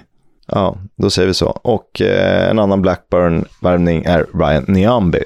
Man har tappat namn som Adam Long, Jordan Jones, Luke Robinson, Tom Costello och Harry McGee plus fler. Ja, det är inte särskilt namnkunnigt och på värvningsfronten har det varit förhållandevis lugnt. Men visst finns viss kvalitet i Wigan Athletic. Frågan är dock om det finns tillräckligt med kvalitet och hur stark är Liam Richardson vid rodret? I nuläget är det fler frågetecken än utropstecken och jag tror nog inte riktigt att det räcker för att Athletics ska hålla sig kvar i Championship. Du, pust och frust och stön. Det där var 24 lag och deras förutsättningar. Exakt, det är långt, men det brukar ju bli mycket, mycket längre än vad vi egentligen eh, tänker och tror att det ska bli. vi tänkte alltså, vår plan var att vi skulle spela in guiden och premiäravsnittet på under två timmar. Vi har hållit på nu i två timmar och en kvart och är bara klara med guiden. Eh, ja, mitt batteri hann dö på datorn och jag var tvungen att byta bil till sovrum och sådär. Så det hann hända ganska mycket, men kul var det.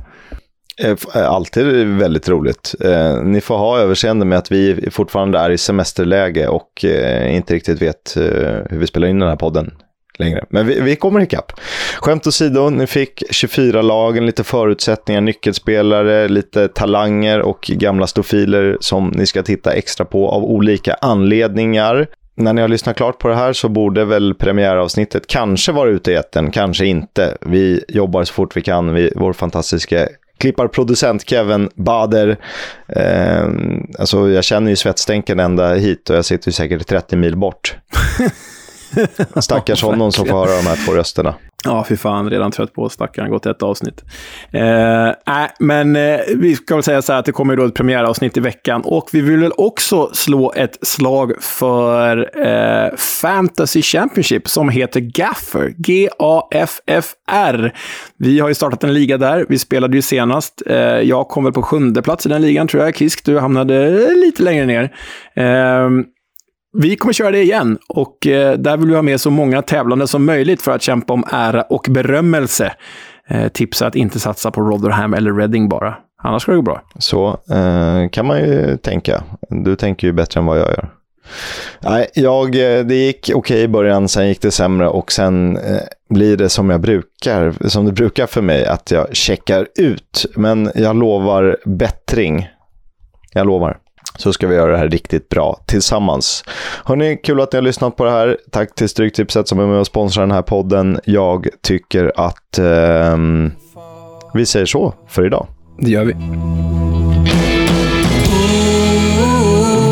Upptäckta vägar, de han tar.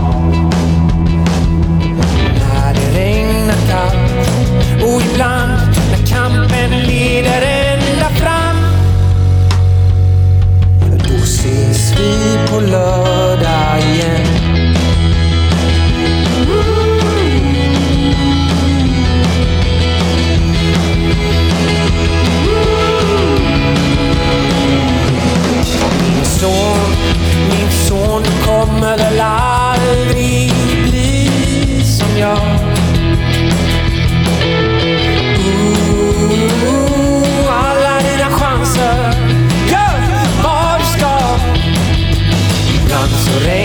så. Men till slut leder kampen